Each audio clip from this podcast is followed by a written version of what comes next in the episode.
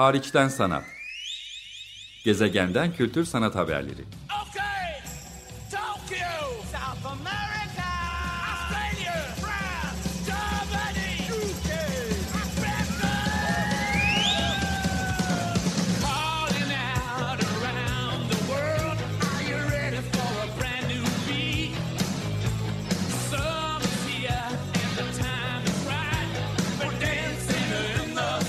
Hazırlayan ve sunan Çelenk Bafra.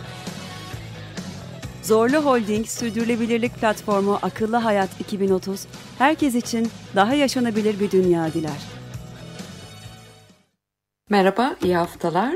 Açık Radyo'da Hariçten Sanat programındasınız. Bugünkü programımda İstanbul Kültür Sanat Vakfı'nın düzenlediği İstanbul Tasarım Bienalini gündeme getiriyorum. E, Tasarım Bienali bu yıl 15 Ekim-15 Kasım tarihleri arasında yeni formatıyla düzenlenecek. E, ve öncesinde Tasarım Bienali Sohbetleri adlı bir podcast serisi yaptılar. Bundan bir bölüm size dinletmek istiyorum programın devamında. Bunlara Spotify'dan ulaşmanız mümkün ve buradan hemen duyurmuş olayım. Önümüzdeki hafta Açık Radyo'daki Hariçten Sanat programında pazartesi günleri 16.30'da Türkiye saatiyle 16.30'da yayınlanan Hariçten Sanat programında konuğum İstanbul Kültür Sanat Vakfı'nda İstanbul Tasarım Bienali'nin direktörlüğünü üstlenen Deniz Ova. Onunla söyleşimi önümüzdeki hafta dinleyebilirsiniz. Bu program biraz ona hazırlık niteliğinde diyelim. E, Tasarım Bienali sohbetleri. E, nitekim benim programın devamında yayınlayacağım podcast e, de aslında bir saat uzunluğunda bir kayıt. Ben sizin için sadece yaklaşık 20 dakikalık bir bölümünü seçtim. Ama bu podcast serisinin ilk bölümü ve farklı dönemlerde beşincisi düzenlendiğine göre Tasarım Bienali son 10 yılda diyebiliriz kabaca. İstanbul Tasarım Bienali ekibinde çalışan önümüzdeki hafta konuğum olacak Deniz Ova, aynı zamanda Bahar Türkay, Merve Yücel ve Can Koçak bu podcast programının ardındaki düşünceyi anlatıyorlar ve geçmiş Tasarım Bienali edisyonlarından, Tasarım Bienali sergilerinden ve programlarından güncelliğini koruyan, özellikle de küresel salgın dönemine bugün hala cevap verebilecek, onunla ilişkilendirebilecek şekilde yeni düşünce alanı açtığını söyleyebileceğimiz projeler üzerinde durdukları bir bölümü sizinle paylaştım. Zira bu podcast'te geçmiş sergilerden güncelliğini koruyan konu ve projeleri hatırlarken akıllarında yer eden sahne arkası anları da paylaşıyorlar şeklinde duyurulmuş. Evet ben de podcast'in tamamını dinledim. Ee, basın toplantısı öncesi, kurulum sonrası, işte küratörlerle çalışma pratikleri ne dair çok içeriden Biennale'nin mutfağından anılarını, anıları paylaşıyorlar diyebiliriz. Bunu dinleyebilirsiniz ama programda başka neler var diye soracak olursanız Tasarım Bienalinden hep bir, bir e, ekipten birinin moderatörlüğünde ve Bienal'in önceki edisyonlarının küratörleri ve katılımcılarına yer verecek şekilde sohbetler programlanmış. E, bugün hala güncelliğini koruyan sergi ve projeleri bugünden bakarak e, ele alıyor. Jan Boylen, Bienal küratörlerin küratörüydü. Vera Şasetti, Nadine Bota, Orkan Telhan, Judith Senk, Camille Oliveira, Emre Aralat ilk Biennale'nin iki küratöründen biriydi Joseph Grima ile birlikte gibi isimleri konuk eden bir podcast ve İKSV'nin İstanbul Kültür Sanat Vakfı'nın Spotify hesabında dinlenebilir. Buradan bu vesileyle hatırlatmış olayım. Hariçten Sanat programının kaçırdığınız bölümleri de hemen akabinde Açık Radyo Hariçten Sanat programının Spotify hesabında dinlenebilir durumda. Ama programda başka neler var diye soracak olursanız ilk programdan zaten bir bölüm ben yayınlayacağım birazdan. Onu dinleyebilirsiniz. Denizova, Bahar Türker, Merve Yücel ve Can Koçak arasında e, ki bir sohbet geçmiş Bienal edisyonlarını ele alıyor dedim. Ee, bir başkası Tasarım Bienal'in küratörü Jan Boylen ve yardımcı küratörler Vera Şasetti ve Nadine Botta'yı bir araya getiriyor. Yine Tasarım Bienali'nin direktörü önümüzdeki hafta programa konuk edeceğim. Deniz Ova'nın moderatöründe ve İngilizce bir podcast bu. Bu sohbette Bienal'in üzerinden geçen iki yılın ardından tasarım eğitiminde bir öğrenme alanı olarak tasarımda nelerin değiştiği, değişebileceği tartışılıyor. E, bir başkasında Orkan Telhan genetik olarak yeniden tasarlanmış ürünlerin etrafındaki tartışmaları yorumluyor. E, Mikrobiyal Tasarım Stüdyosu 30 günlük simit diyeti adlı projesiyle 3. tasarım bienalinde yer aldığını buradan hatırlatalım. İGDO var mı diye bir e, soru soruyor. E, Temmuz başında Spotify hesabında İstanbul Kültür Sanat Vakfı Tasarım Bienali'nin yayınlanan e, bölümde ise Judith Senk e, konuk. Bu sefer ekipten Can Koçak moderatörlüğündeki sohbette dördüncü tasarım bienali kapsamında sergilenen e, ve katılımcıları uzlaşma seansları aracılığıyla iletişim kurmaya çağıran rol yapan nesneler akışkan ölçüler okulu yerleştirmesinin günümüze temas eden yanları e, sorgulanıyor. Bir başka sohbette Camille Oliveira Ambir dijital benliğimle konuşmakın güncel yönünü e, tartışıyor diye buradan özetleyebilirim. Bunun moderatörlüğü yine Can Koçak tarafından üstlenmiş. Bunlar İngilizce yurt dışından konuklar olduğu zaman dijitalleşmenin hız kazandığı bugüne hem de sosyalleşmenin azalmasıyla insanların kendileriyle konuşma pratiklerini arttırdığı şu küresel salgın dönemlerine de e, temas ettiğini düşünebileceğimiz ama bir önceki tasarım bienali kapsamında sergilenen Dijital Benliğimle Konuşmak adlı video yerleştirmesini bugünden değerlendirerek odağına alan bir sohbet. 15 Temmuz çarşamba programın başında da gündeme getirdim. Emre Aralat, Türkiye'nin yıldız mimarlarından ilk tasarım bienalinin Joseph Grima ile birlikte iki küratöründen biriydi. İstanbul Modern'de büyük bir e, sergi ortaya koymuştu. Bienalin hem mirasını sorgularken hem de Bienal ile ilgili 2012'den bu yana yani onun ortaya koyduğu sergiden bu yana e, mevcut yerel ve küresel tartışmaları da ele alıyor. Bu sohbeti ise e, İstanbul Tasarım Bienalinin ilk tasarım bienalinin de ekibinde yer alan Bahar Türkay e, kolaylaştırıyor. Onun moderatörlüğünde düzenleniyor diyelim. Ve size işte moderatörlerin bir araya geldiği e, ve Tasarım Bienali Sohbetleri adlı podcast serisini başlatan ilk podcast'ten ilk yaklaşık bir 15-20 dakikalık bölümle baş başa bırakayım. Zaten geçmiş bienallere odaklanan bir bölüm. İyi haftalar. Önümüzdeki hafta Deniz Ova ile birlikte tekrar sizinle birlikte olacağız. Ben de baştan itibaren şöyle baktığım zaman e, tabii ki ilk Biennale'den başladım. E, ve e, bir yandan da bu e, podcast serisi içinde ilk Biennale ilgili projelerden işte kimlerle görüşebiliriz, küratörlerle de görüşeceğiz vesaire diye böyle bir kataloğu tekrar alıp elimde taradığımda e, ilk Biennale'de şu anda güncelliğini koruyan e, ne kadar çok e, şey olduğunu gördüm.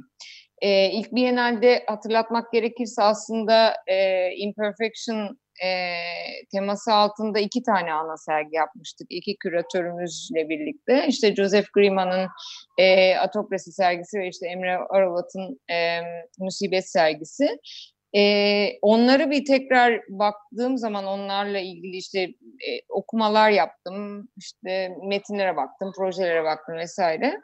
Mesela Atokrasi sergisinin içinde çok fazla e, açık kaynak, kolektif üretim, e, hatta hacking e, yoluyla üret, bir şeyler yapmayla ilgili çok fazla proje varmış.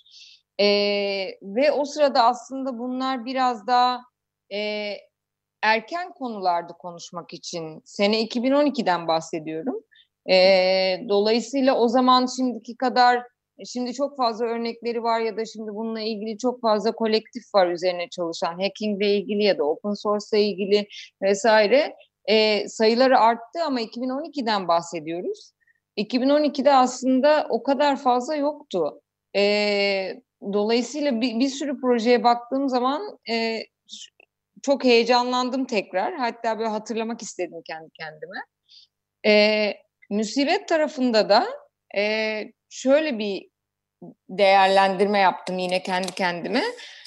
E, Emre Bey aslında mimarlık dünyasının e, iddialı üretim yapan stüdyolarından birinin kurucusu ve hala çok fazla proje yapıyorlar. E, Bir taraftan bu pratiği devam ettirip bir taraftan da aslında mesleğin kendisine eleştirel bakan tarafta durmak ve onunla ilgili projelere yer vermekle ilgili bayağı bence cesur bir tarafta durmuş. E, projelerden de öyle projeler var. Dolayısıyla hala e, böyle heyecanlandıran ve tartışmayı sürdürdüğümüz çok fazla şey olduğunu gördüm her iki sergide de.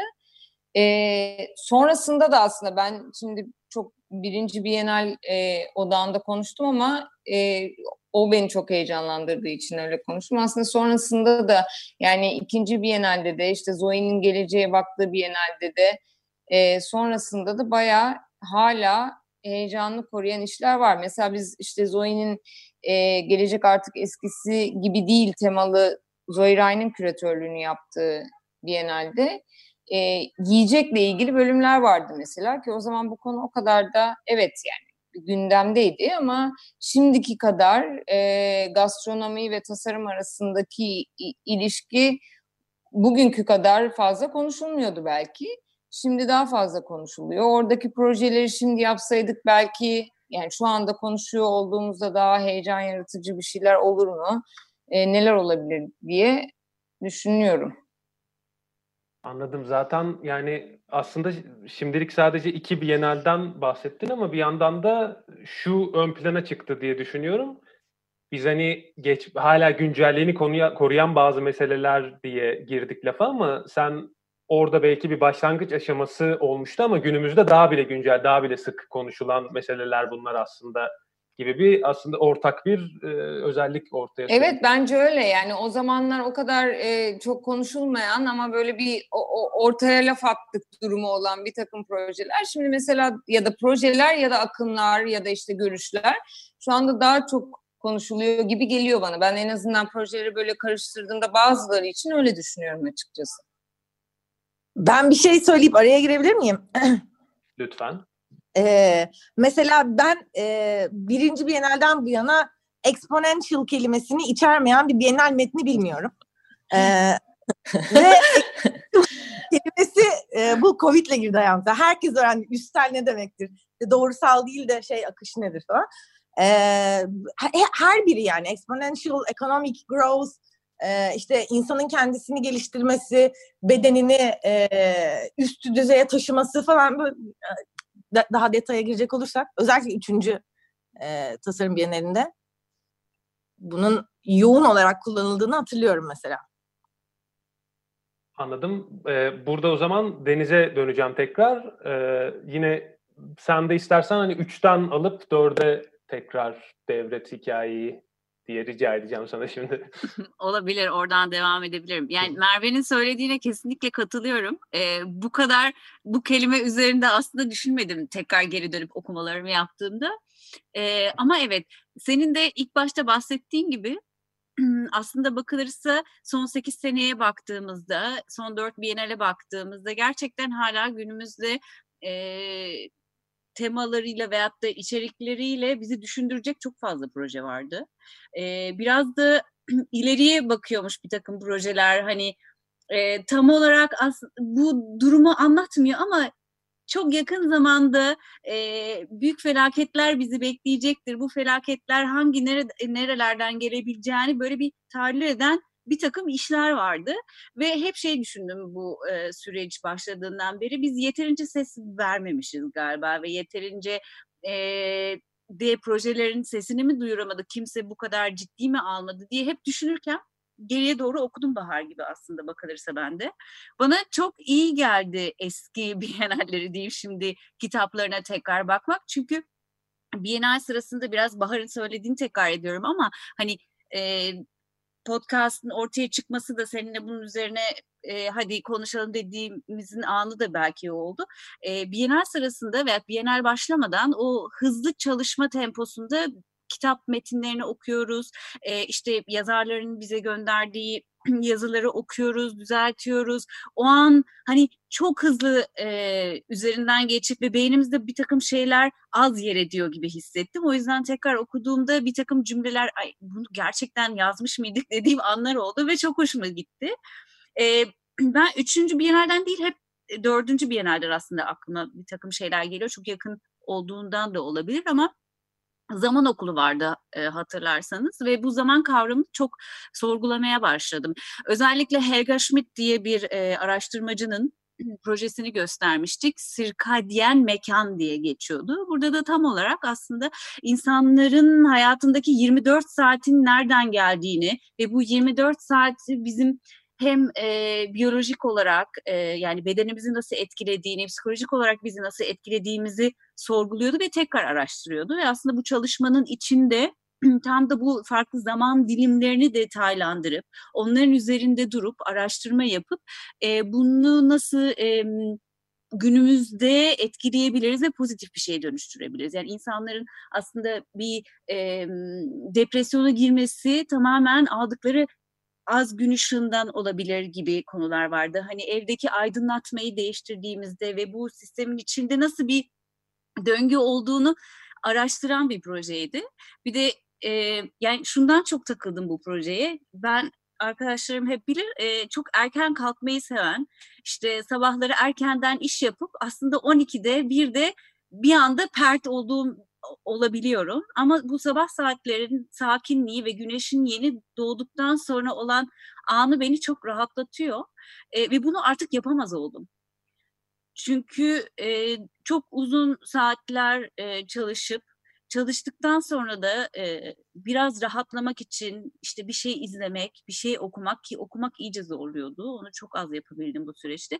Diye derken geç yatıyor oldum ve sabah 8'de kalktığımda aşırı rahatsız oluyorum. Çünkü gün doğmuş oluyor ve böyle sanki bir kayıp yaşıyormuşum gibi diye düşündüm. E, bir de özellikle bu zaman okulunda da e, şu çok sorgulandı. Hani endüstriyel dönem başladığından itibaren aslında 7 gün çalışmak, işte ha, daha doğrusu haftada 5 gün çalışmak veya 6 gün çalışmak, bir hafta ortası olması, hafta sonu olması, belirli izin günlerimizin olması ve sırf o izin günlerinde aslında iş odaklı düşünmemeyi e, hep buna eğitilmişiz. E, bunu tekrar özellikle de sorgulattık. Çünkü hala aslında hafta ortası bütün işi halletmeye çalışıp hafta sonu sanki e, işe gitmeyeceğim, rahatlığını yaşama hissiyatına kapılmak istiyorum. Tabii ki de olmuyor ama yine de bunlar hep benim üzerinde düşündüğüm ve e, tekrar tekrar okuduğum işler oldu. E, ben mesela şeyi e, hatırladım bu zamanda. E, hatta sonra geri dönüp okudum katalogdan. E, bu seyyar arabalar meselesini hatırladım tekrar. Çünkü e, bu hani salgın zamanı işte sokağa çıkamadığımız, sokağa çıkma yasaklarının olduğu zaman da bir anda işte ekmek arabası, Ramazan pidesi arabası falan gibi şeyler geçmeye başladı bizim sokaktan. Şimdi bir anda akşam işte Ramazan pidesi geldi falan diye böyle bir araba geçiyor ya da işte ekmek arabası geçiyor, gazete arabası geçiyor falan. Tabii ki onlar şey formundalar yani binek otonun bagajını açıp bütün işte Ramazan pidesini oraya koymuş ve işte onu dağıtıyor etrafı falan. Ama ben bu vesileyle birinci Biennale'deki footprinting projesini hatırladım mesela. Orada bir işte footprinting aracı vardı ve biz onu hatta kamusal alanda nasıl gezer, o nasıl daha kalabalıklara e, yiyecek dağıtır gibi hayal etmiştik. Onun içinde tabii ki şey vardı yani hazır ürünü değil de böyle senin e, hayal ettiğin ürün bir de o zaman için daha yeni olan üç boyutlu yazıcılarda bir makerbotla basıp onu verme gibi bir durum vardı. Yani daha da farklı bir boyutu vardı. Ama bir anda onu hatırladım ve yani 2012'de biz böyle işte mobil araçlar, seyyar araçlar gibi bir şeyleri konuşuyorduk.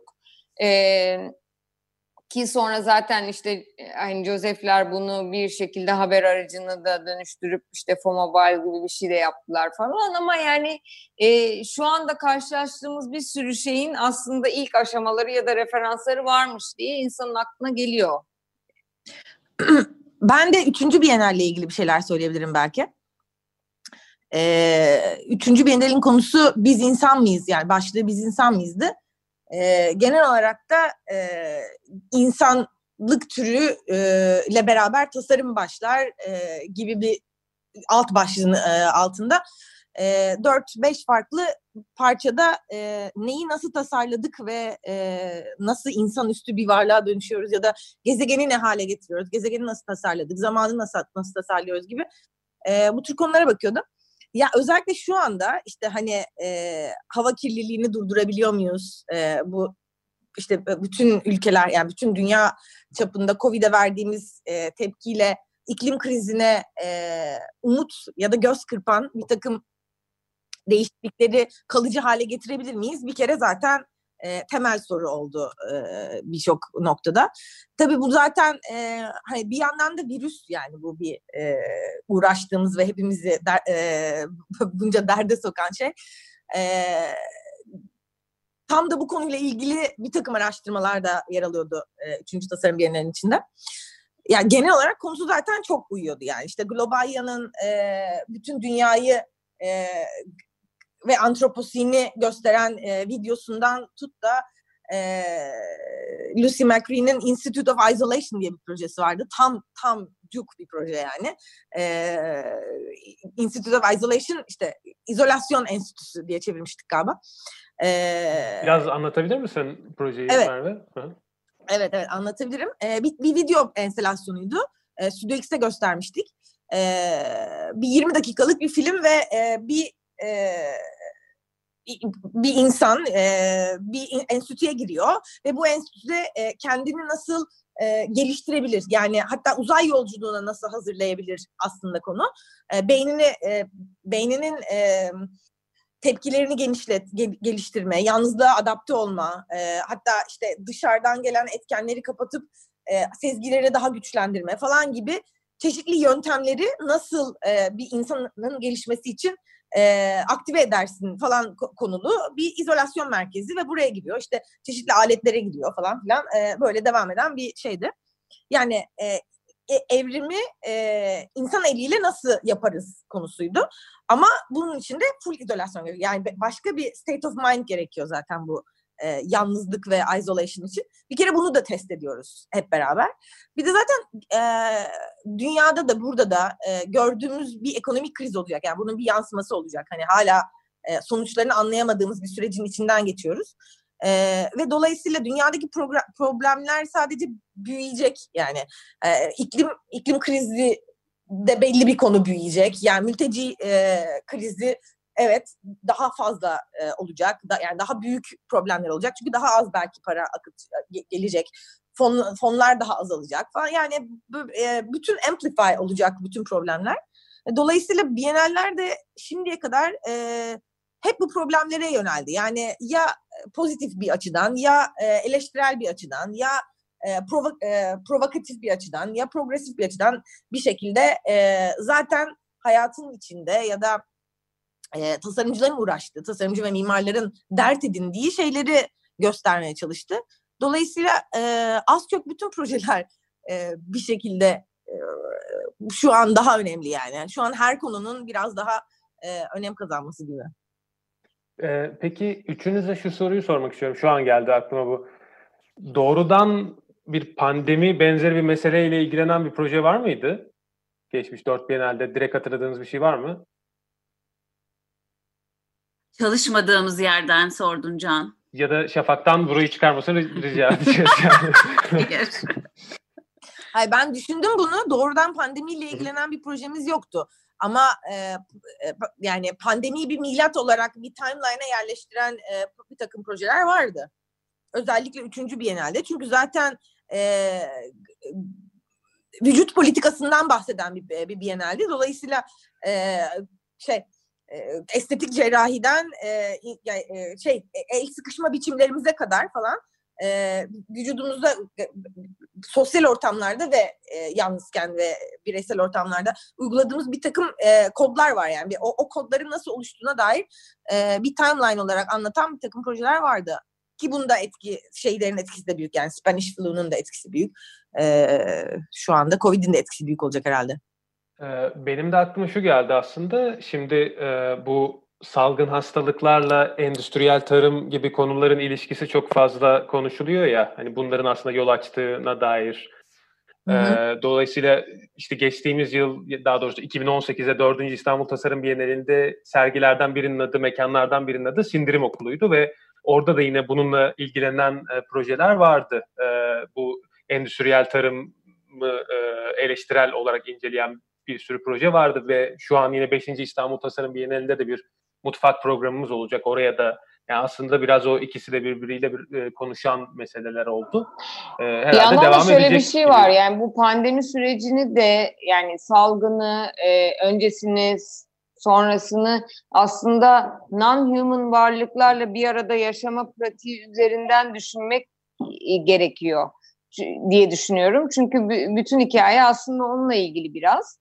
E, ve bir yani Biennallerde de bir şekilde e, projelerin içinde o non-human varlıklarla bir arada yaşamayla ilgili e, işler hep vardı. Yani bununla ilgili araştırmalar ya da e, sorgulamalar hep vardı bir şekilde. Evet hatta e, Stefano'nun Milano Animal City projesi vardı bir de o e, insan hayvanların gözünden şehir nasıl e, algılanır diye şimdi işte stok fotoğrafta e, inanılmaz e, talep gören şehrin Benim hep- Üçüncü Biennale'de mi bu da? Üçüncü Biennale'de miydi? Üçüncü Biennale'de evet yine. Deniz sen bir şey söyleyecektin pardon. Ben e, yani hep şey aklıma geldi aslında bir- iki proje çok bende bir de belirdi. Görmediğimiz bir şeyle savaştığımız için o görmediğimiz şeyin e, nasıl dönüşüme yardımcı olabileceğini veyahut da dönüşümde bir araç veyahut da ne bileyim e, kurtarıcı olabileceğini konuşan iki tane proje aklıma geliyor. Bir ikinci tasarım Bienalinde Alexander Daisy Ginsberg'in bir projesi vardı. E, sentetik biyoloji üzerine aslında çalışıyordu. Altıncı soy tükenmesi için tasarım diyordu. Burada tamamen hani bakteriler üzerine kurgulu bir yeni organizma yaratmak veya bakterilerle aslında e, bozduğumuz bir e, dengeyi tekrar dönüştürebilir miyizin e, çalışmasıydı. Bir de yine üçüncü Bienal diyorum ama Orkan Terhan'ın e, simit diyeti projesine aklıma geliyor. Çünkü kendisi hep böyle görülmeyen aslında mikroplar, bakteriler hatta virüsler üzerine çalışıyor ve bunların yine değiştirici gücünü e, iyi anlamda nasıl kullanılabilir veya bunların varoluşunun e, nasıl bir değişiklik yaratabileceğini anlatan bir sürü iş yapıyor. E, hani gerçek hayatta bir sürü tasarım yaparken sergileri de çok fazla iş üretiyor burada bir farkındalık yaratmak için. Bununla ilgili de aslında bir podcast e, bölümümüz var. Herkesin dinlemesini isterim çünkü anlamadığımız ve görmediğimiz e, bir şeyi e, çok güzel bize anlatıyor ve onunla yaşamayı nasıl becerebileceğimizi ve kritik üzerine eleştirel nasıl düşünebileceğimizi bir şekilde e, anlatıyor ve yaklaştırıyor. Hariçten sanat. Gezegenden kültür sanat haberleri. Okay, Tokyo, South America, Australia, France, Germany, UK, Africa. Calling out around the world, are you ready for a brand new beat? Summer's here and the time is right. We're dancing in the street. Hazırlayan ve sunan Çelenk Bafra. Zorlu Holding Sürdürülebilirlik Platformu Akıllı Hayat 2030 sundu. Açık Radyo program destekçisi olun. Bir veya daha fazla programa destek olmak için 212 alan koduyla 343 41 41